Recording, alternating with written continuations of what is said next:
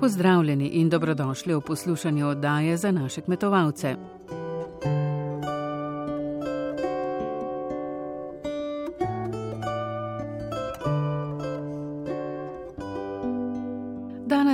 Najprej spregovorili o novem direktoratu za hrano in ribištvo, slišali boste nekaj nasvetov za varno uporabo traktorjev, govorili bomo o krivolovu, vzgajali in varovali avtohtona semena, na koncu pa se bomo še posladkali. Teme, ki jih skoraj ne smete zamuditi, zato vabljeni v našo družbo.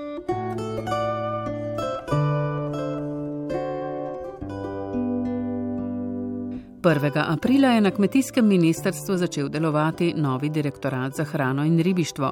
Nastal je kot odgovor na potrebe in večjo občutljivost potrošnikov na področju varne in kakovostne hrane. Novi direktorat je del reorganizacije Ministrstva za kmetijstvo, gozdarstvo in prehrano, sicer pa je nastal z notranjo prerasporeditvijo kadrov. Direktorat za hrano in ribištvo bo imel velike pristojnosti, katere pa v prispevku Jrnejke Drolec pojasnjuje ministrica Aleksandra Pivec.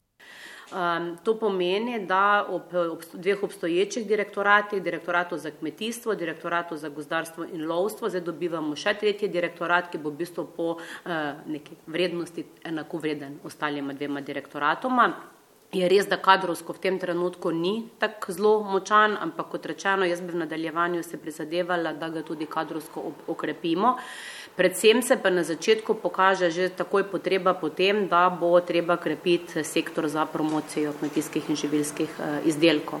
Obseg nalog pa je zelo širok, pravite, kaj ne? Eh, glavne pristojnosti direktorata bojo seveda vezane na področje kakovosti hrane. Eh, ambicioznejše nadgradnje in širitve schem kakovosti, že obstoječih, seveda, ki jih je treba ukrepiti in tudi bolj ambiciozno nadgraditi v smislu višjih standardov. To pomeni vse od začetka, od pridelave oziroma ne vem pri mesu že od krme Eh, pa vse do eh, dobrobiti živali, ki tudi vedno večjo pozornost mu treba posvečati in namenjati.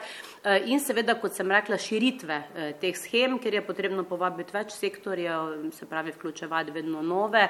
Trenutno se pridružujejo prašičje rejce, prva dva sta že certificirana in v nadaljevanju seveda si bi želeli in si bomo prizadevali, da se tudi drugi zelenjava, sadje, mogoče v širšem smislu, priključujejo v te scheme certificiranja. Potem bi radi ojačali področje prostovoljnega označevanja eh, živil, kjer bi z nekim takim blagim prehodom seveda poskušali eh, vabiti k čim bolj doslednemu eh, označevanju, ne mogoče za začetek vse obveznemu, ampak v enem takem blagem prehodu bi seveda potem lahko tudi prišli do bolj ambicioznih zahtev na področju označevanja. Eh, In v tem kontekstu bi potem tudi v scheme kakovosti želeli povabiti predelane izdelke.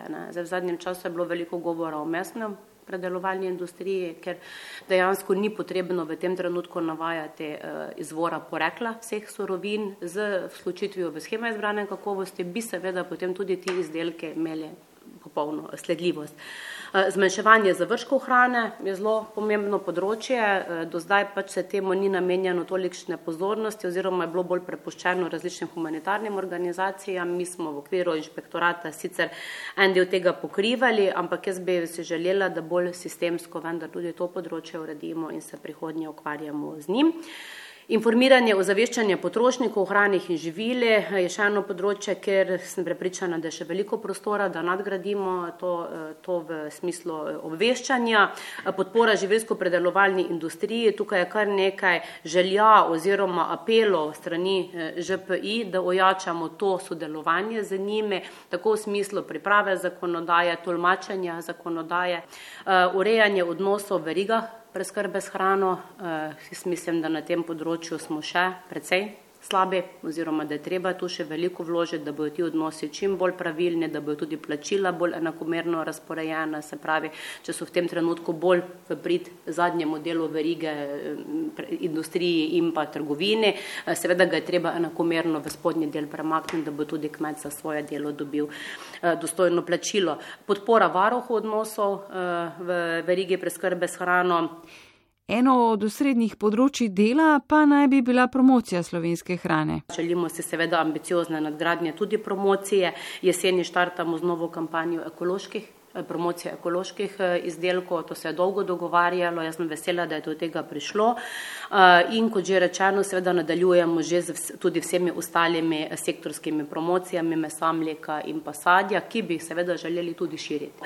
Naročanje hrane v javnih zavodih, zelo aktualno v zadnjem času. Tukaj smo že začeli z delom, smo spostavili medresorsko delovno skupino, ki pripravlja nova priporočila za naročanje. Uh, jaz si želim, da bi v tem sistemu prišlo tudi do bolj organiziranega uh, sistemskega pristopa, kako naročati hrano, kajti ugotovili smo, da veliko primerih težavo povzroča to, eh, da se v resnici s tem nišče zelo sistematično ne ukvarja v javni zavodi, da to pač prepuščajo raznim pisarnam, odvetniškim, zunanjim izvajalcem, ki nimajo takšnega odnosa do tega, da bi resnično v te inštitucije prihajala zdrava, lokalna in pa kakovostna hrana.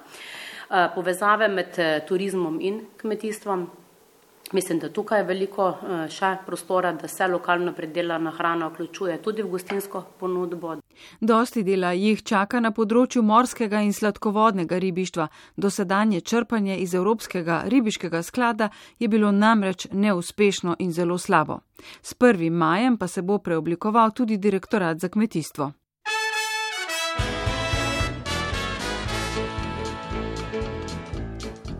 Kaj naj si skuham? Kaj naj pojem, kaj naj si spečem, kaj sploh še smem, kaj naj pogotnem, kako naj vem. Pri vsaki stvari je en problem. Govedina vsa polna je hormonov, krompirju se pozna še pantakan, prašiči so mogoče ljudožrci solate nočem jesti dan na dan.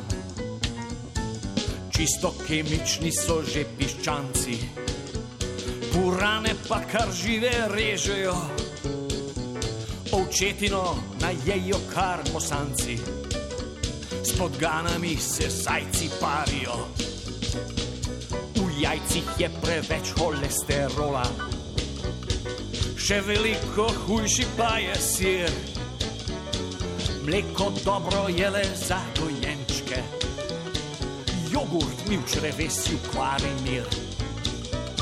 Bojako da dobivamo ekceme, v gobah je še radiacija, v češnjah vsako leto najdem črve, za zobe mi grejo jabolka, divjačina, Boga se mi smili žitaric drži se DDT. Edino le hudič žre muhe v sili, soja pa se sluza stani sti. Kaj naj si skuham, kaj naj pojem, kaj naj si spečem, kaj sploh še smem,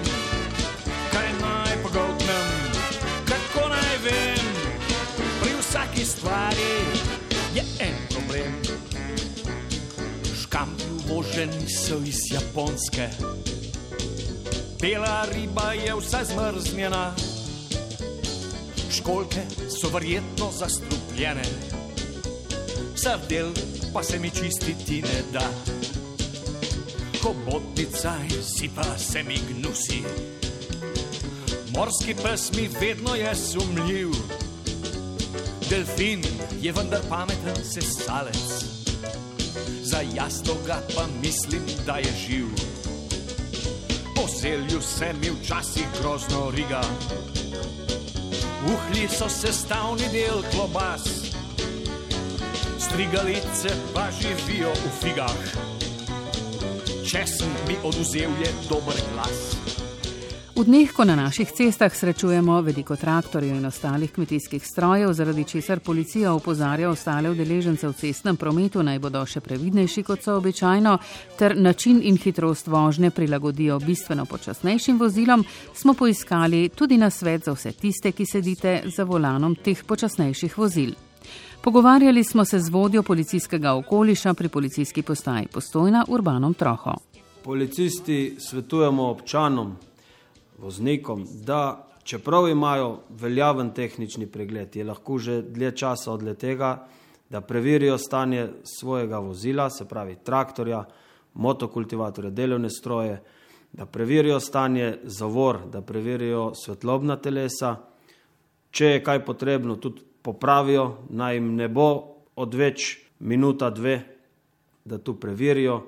Vsa svetlobna telesa mora biti brezhibna, prav tako morajo preveriti eh, priključke oziroma priklopnike, se pravi, ne vem, pluge, obračalnike, prikolice, tudi ti priklopniki morajo biti označeni ne svetlobnimi telesi in odsevniki, preden zapeljejo na javno cesto, da pogledajo, ali je na pneumatikah odvečna zemlja, le to očistijo in s tem tudi ostalim udeležencem v cestnem prometu ne povzročajo dodatnih situacij za nevarnost.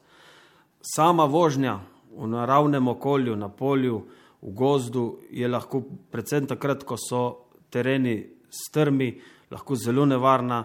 Vemo, trava, zemlja, tudi drsi. Na te terene naj se odpravljajo, bi rekel, samo takrat, ko so popolnoma prepričani v svoje vozniške sposobnosti, naj le teh ne precenijo.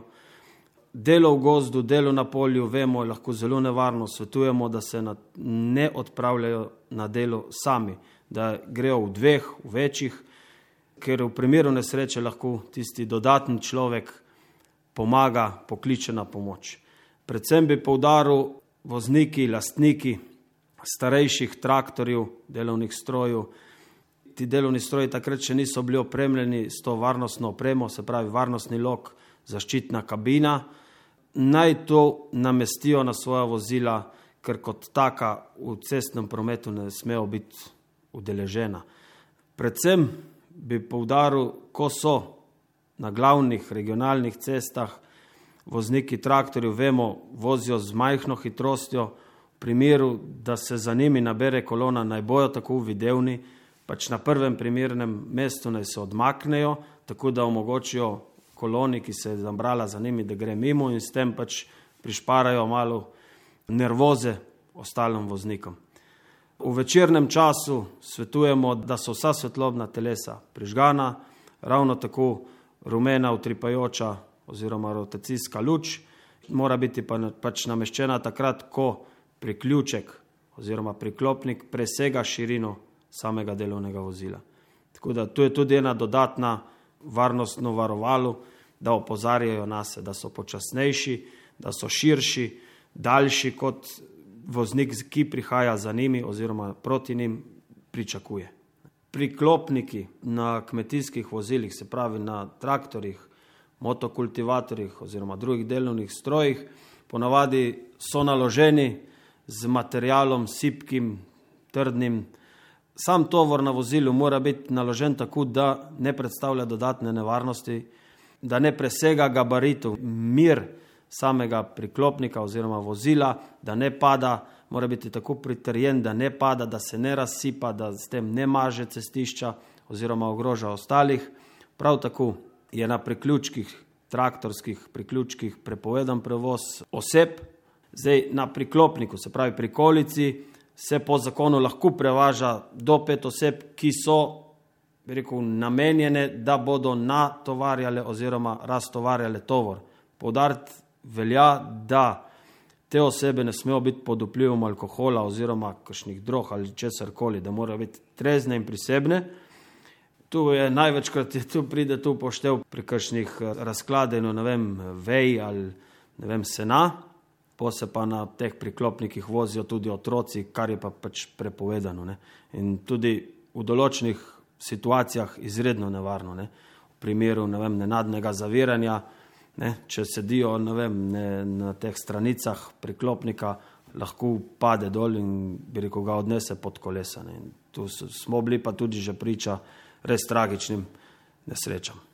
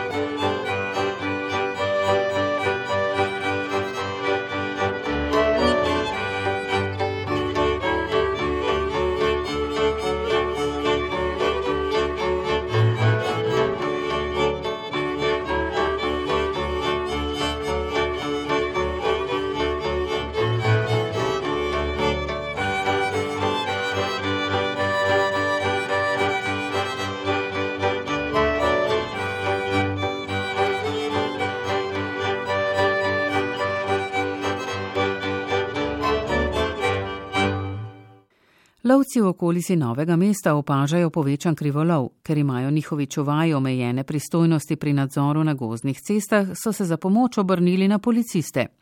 Tako zdaj mešane patrulje lovskih čuvajev in policistov nadzirajo dogajanje na goznatih območjih. Lovci ob tem opozarjajo, da meso od krivolova ni zdravstveno pregledano in da je lahko nevarno za ljudi. Prispevek je pripravil Jože Žura. Lovska družina Novo mesto ima okoli 5500 hektarov lovnih površin na obsežnem območju med Novim mestom, Sotesko in Mirno pečjo. Gospodar lovske družine Novo mesto Goran Miletič.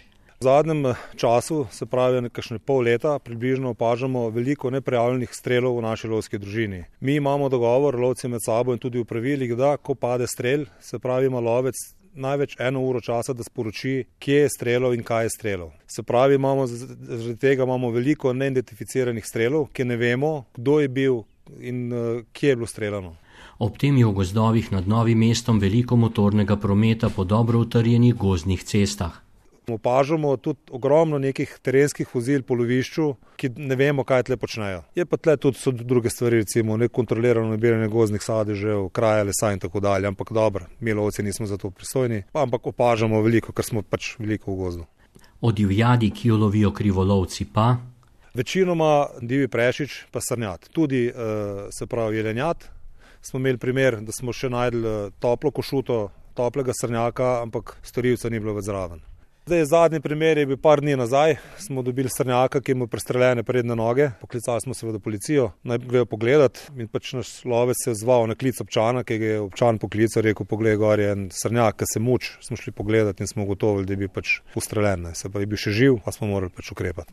Največ krivolova je po noči o polni luni. Lovski čuvaji sicer redno nadzirajo dogajanje v gozdu, vendar pa imajo omejena pooblastila pri tem, dodaja Goran Miletič. Imeli smo primere, ki je naš čuvaj ustavil uh, določeno osebo in ki je pač prosil, da se identificira ali pa to je bil pač verbalno, imel verbalno in fizično grožnjo. Ne. Tako da pač se raje omakne, ker eh, se veste, lovski čuvaj ne more njega prijeti, ne more ga ustaviti fizično, ker pač to mislim, da ne sme. Ne. Zato smo prosili policijo, da nam pomaga pri takih stvarih. Komandir policijske postaje Novo mesto Robert Zupančič je povedal, da občasne kontrole izvajajo v nočnem in dnevnem času. Zdaj, te skupni posredni nadzori so bili med krajani in pa med tudi lovci sprejeti zelo dobro, tako da v našem interesu je, da se s to vrstno obliko dela nadaljuje tudi v prihodnje. Zdaj, policist pri izvajanju teh posrednih nadzorov je predvsem pozoren na kršitve z področja zakona o orožju, zakona o ohranjanju narave in pa seveda na nezakonit lov, za katerega je po kazenskem zakoniku predpisana denarna kazen ali kazen zapora do pol leta, za kvalificirane oblike teh kaznjivih dejanj pa tudi do dveh let. Zdaj moram reči, da sama problematika ne izstopa na nivoju policijske uprave, kljub temu pa nekaj primerov beležimo in vsako kaznivo dejanje, ki se zgodi, je preveč. Tako da osnovni namen teh skupnih postrenih nadzorov je predvsem v preprečevanju teh kaznjivih dejanj. Novo ureditev je olajšala delo lovskim čuvajem, pravi eden izmed njih, isto Krožič. Če to ob 11, ob 1, ob 3 zjutraj nekdo se vozi po lovišču, najbrž se vozi zaradi nekega športa ali nekega posebnega užitka. To pomeni za nas veliko olešavo pri delu. Če se izpostavi sum nekega krivolova oziroma nekih nepravilnosti, imamo zapravljen izpostavljen pogoj, pod katerim se lahko tisti kršitelj zaustavi oziroma izpraša ker drugače mi kot lovski čuvaji imamo samo to, da lahko vprašaš, če pa tisti, ki je osumljen oziroma za katerega sume, da je naredil kršitev, če nas zavrne, to lahko stori brez kakršnih koli sankcij. Ne. Gospodar lovske družine Novo mesto Goren Miljetič ob tem opozarja na nevarnost uživanja na črno uplenjene divjadi. Ta divjad je nepregledana. Mi imamo v lovski družini svojega preglednika in ko pripelješ v plenjeno divjad, je ona pregledana. Ne. Pri teh stvareh pa ponavadi ta, ki izvaja krivolov, dosti krat mislim, da ustreli kakšno žival, ki ne beži, verjetno je bolna, pa ne ve. In potem tudi to meso ali komu ga proda, ali pa če mu ga pokloni, bi rad povedal, da je to zelo nevarno, ker divjad ima tudi take bolezni, ki so nevarne za ljudi. In da naj ne kupujejo takih, ali pa naj ne jemljajo tega mesa. Skupna preventivna akcija policistov in lovskih čuvajev naj bi zmanjšala krivolov v dolinskih gozdovih.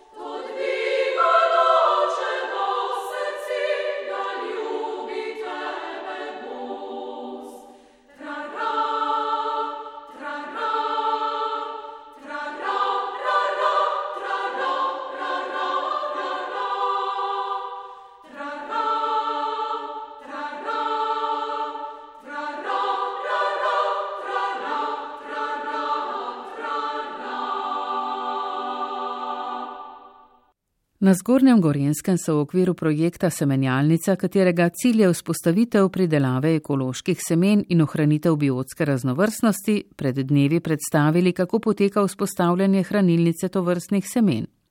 Gre za projekt vseh sedmih zgornjegorenskih občin, ki je nastal na pobudo Inštituta za ekološke raziskave in trajnostni razvoj Ekosemena. V ta namen so pridobili tudi evropska sredstva in prepričani so, da bi gorenska hranilnica semen lahko služila kot vzorčni projekt za povečanje samooskrbe Slovenije. Prispevek Romane Erjavec. Po besedah Nina Kobal z razvojne agencije Zgorne Gorenske, ki projekt sicer vreden slabih 120 tisoč evrov vodi, 85 odstotkov sredstev zagotavlja Evropski kmetijski sklad za razvoj podeželja, preostanek pa vse Zgorne Gorenske občine. To gre v bistvu za projekt vzpostavitve pridelave ekoloških semen in ohranitev biodiverzitete. Glavni namen tega projekta pa je vzpostaviti inovativen celosten model kmetijske semenarske zadruge, posredno dvigniti delež samozkrbe z ekološkim semenskim materialom ter povečati regionalno biotsko pestrost, predvsem na področju kulturnih eh, rastlin. Za vsem tem pa se skriva vrsta aktivnosti, dodaja Maja Kolar, strokovna vodja v projektu. Med drugim je njihova prva naloga vzpostavitev mreže kooperantov. Torej ekološko ali pa celo demeter certificiranih predelovalcev, ki bi nam zagotovili primerno količino predelanih semen. Vzpostavili bomo tudi laboratorij eh, in eh, v smislu analiz analiz različnih uh, semen, ker si želimo tudi pregledovati kakovost semen in pa um, organizirati nekako delo v semenjalnici oziroma v hranilnici semen. Tukaj v ozadju je predvsej teh strokovnih smernic, uh, zakonov, ki jih pač seveda moramo upoštevati tudi že samo kot ekološki pridelovalci. Bomo pa tudi nudili strokovno podporo pridelovalcem skozi proces pridelave semen, skozi proces semenarjenja, s tem, da bomo pač organizirali izobraževanje izobraževanja in pa tudi strokovno pomoč na terenu. Torej, veste, tudi fitosanitarnemu pregledu so podvržena taka semena, zato pač bomo spremljali tudi inšpektorje na kontrolah in s tem tudi pač pomagali pridelovalcem v, s temi um, upisi v um, uradne registre. In pa um, želimo si tudi ohranjati lokalna semena, torej si želimo tudi um, zbirati uh, stara semena, ki pač izvirajo iz tega področja in jih potem nekako semeniti naprej uh, za prihodnost. Uh, torej bomo tudi verjetno registrirali kakšno uh, seme na novo, da bomo pač ga podvrgali temu uradnemu nadzoru in ga mogoče kasneje tudi upisali v vrtičkarsko listo. Kar seveda najbolj zanima potencijalne uporabnike, pa je vprašanje, kdaj bodo na voljo prva semena. Maja Kolar. Nekako imamo tako načrtovano, da bi to bilo možno že tekom, se pravi v jesensko-zimskem času. Seveda, če bodo naši predelovalci uspešni v tem letošnjem predelovalnem letu, bodo lahko eh, prebivalci zdaj dobili prva semena v eh, koncem tega letošnjega leta. Torej v tem obtrajanju obdobja projekta bodo prebivalci občin, ki so vključene v projekt, ta semena lahko dobili brezplačno. V drugi fazi pa bodo v projekt vključili tudi gostince in prek njih ekološko in lokalno predelano seme vključili tudi v turizem. Najprej pa se bodo pravi Nina Kobal osredotočili na semena stroj poročnic, kot sta grah in fižol, saj sta ti dve semeni dobro zasidrani v ta gorenski prostor. Ker veste, ko pridelujemo semena, vsa semena niso vedno tista elitna semena, ki jih porabimo kasneje za semenarjenje, za nadaljno reprodukcijo, ampak je tudi nekaj semen, ki so eh, drugačne kakovosti, ki so konzumne kakovosti in tisto si želimo pač v tem smislu promocijskem vključiti v gostinske obrate. In potem smo rekli, ma ja, sej um, fižolova juha je tradicionalna jed na tem našem območju, zakaj ne bi predelali še še traja, pa jim lahko ponudimo fižolovo juho. Semena so naravna in tudi dragocena kulturna dediščina, omogočajo življenje in prehransko varnost. In nič ne pretiravamo, pravijo sodelujoči v projektu, če rečemo, da so ekološka semena novodobno zlato.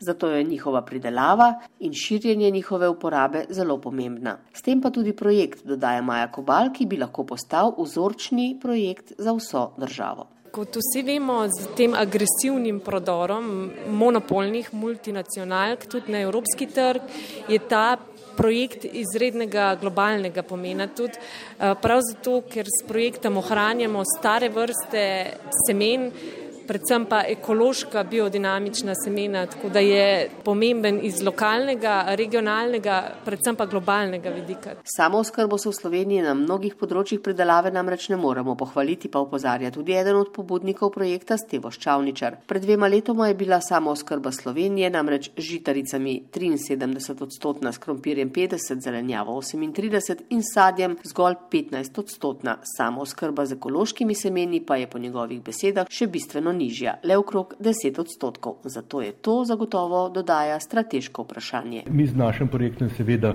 ne moremo rešiti tega eh, vprašanja, ker je premehen, lahko pa upozorimo državo, da v tej smeri more pač napraviti odločitve strateške, kako varno želi pripraviti našo prihodnost. Tudi Gorenska semenjalnica bo namreč po letu 2020, ko se projekt financiran z evropskimi sredstvi zaključi, potrebovala pomoč države.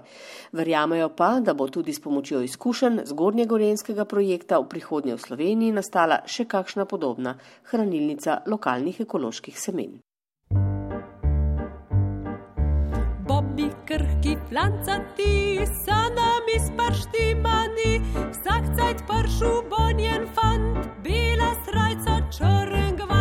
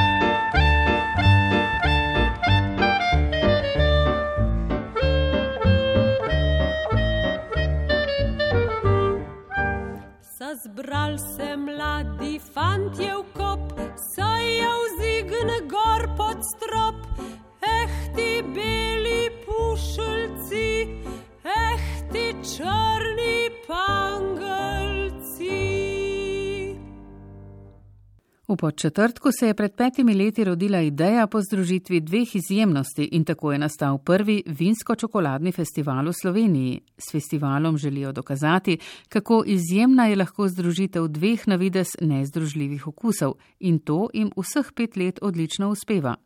Razstavljavcev in obiskovalcev je iz leta v leto več, postali so prepoznavni slovensko-turistični kulinarični dogodek, ki privablja družine. Suzana Vahtarič. Vrhunska in izbrana vina ter čokoladne mojstrovine so pred petimi leti združili v Početrtku, povdarja direktor turizma Početrtek Boštjan Misja.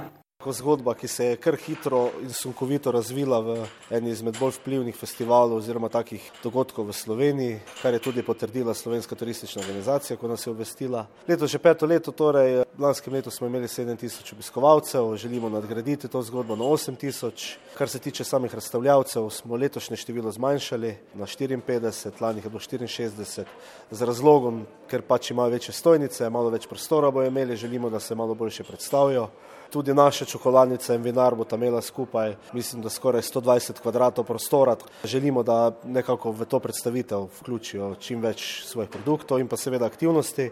Festivalsko dogajanje vsako leto popestri pester spremljevalni program, animacije in ustvarjalne delavnice za najmlajše, modna revija. Na dobrodelnem teku bodo izbirali sredstva za društvo Debra, še dodaja Boštjan Misija. Program bo potekal čez celoten dan. Letos smo dali tudi malo artistične note, še več, poleg seveda slikanja s čokoladnim vinom, tudi izdelava artistična strani eh, gospoda Blaža Habjana. Pa seveda en kotiček, en teater, kjer bomo imeli predstavitev z društva Sommelier Master Slovenije, kjer bojo predstavljali, kako dejansko eh, kombiniramo vino in čokolado, neka simfonija med tema dvema produktoma. Dobrodelni tek nastopi, modna revija, katero smo začeli že lani in smo jo tudi letos eh, nadgradili. Tako da ja, cel dan dejansko preživeti, eh, želimo pa predvsem to, da pridejo družine, da so cel dan na festivalu, obiščejo še katero iz destinacij, tudi da se prepeljejo z vlakom iz Ljubljane, namreč vsako soboto vozi v polčetrtek. Festivala zagotovo ne bi bilo tudi brez ene najbolj prepoznavnih in najstarejših slovenskih čokoladnic, tiste z Olimja, ki je zelo povezana s Kozijansko okolico in se bo letos predstavila na skupnem razstavnem prostoru s hišovin Emino, največjo vinsko kletjo na Kozijanskem. Mateja Videtič, čokoladnice Olimje. Kot ste rekli, to je ena najstarejših čokoladnic. Začeli smo leta 1991, zdaj jih je že kar nekaj v Sloveniji. Pri nas se dela vse ročno. Mašine imamo samo zato, da nam pomagajo pri izdelavi sanka, pri neja, da se čokolada meša, tudi veliko promocijskih čokolad imamo. Tako da se lahko hvalimo danes res z 300-350 receptov svojih lastnih imamo. Tudi če nam kdo reče, da bi naredili kakšen novi recept, nam to predstavlja in zelo velik izziv in tudi radi se ga lotimo. Novosti pa pripravljate tudi za festival. Ja, letos smo se odločili, da bi kot novost dodali med same praline ogromno sadja. Ne, da bi tudi pokazali, da se tudi sveže sadje da obliti v čokolado, v več vrst čokolade, tudi suho sadje bi vključeno. Vključujete pa, ker gre za festival vina, tudi vina s čokolado. Naš prvi produkt z vinom je bila praljena vino z rozino in čokolado. Meni tudi okus, mogoče z vinom, pa čokolada ne paše. So pa drugi alkoholi, kjer v čokolado izredno pašejo. Ne? Veliko delamo z rumom, potem orehovcem, z viskijem, z kontrojem. Smo pa rekli, da bomo letos, ker je pač to vino in čokolada, ker je ogromno vina, bomo probali tudi eno praljeno narediti, ki bo vključevala tudi vino. Ne. Letos tudi povečani razstavni prostori, združeni vi kot čokoladnica in domača hiša vin. Letos smo se odločili, da bomo se skupaj združili, da bomo pokazali, kaj skupaj zmoremo, to je novost. Odločili smo se, da bojo oni pokazali notranjost pač te hiše, mi bomo pa tudi pokazali notranjost proizvodne. Festival vina in čokolade je zrasel iz izbora županovega vina, ki je zdaj sestavni del festivala, s ponosom povdarja župan po četrtka Peter Misija. Smo želeli nekaj več in odločili smo se, da združimo z čokolado. Takšna ideja je pač padla. Predstavili smo se v večnamensko športno dvorano in že prvo leto doživeli izredno veliko število obiskovalcev. Gre za neko dodano vrednost, ni zdaj samo župano vino, ampak gre za dodatno promocijo celotnega kraja in celotne destinacije. Bistveno drugače od drugih, verjetno, da smo znali povezati pravzaprav vse ljudi, lokalno skupnost, turizem, destinacije in dobra povezanost daje tudi rezultat. Festival vina in čokolade bo v početrtku konec meseca 27. aprila.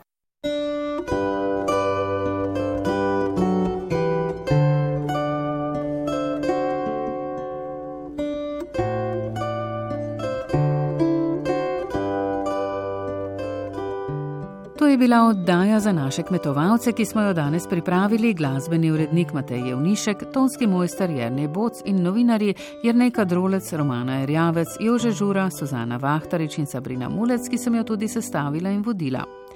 Hvala za pozornost, naredite si kar se dalje ponedeljo in ne pustite, da bi vam jo kdo pokvaril, pa srečno.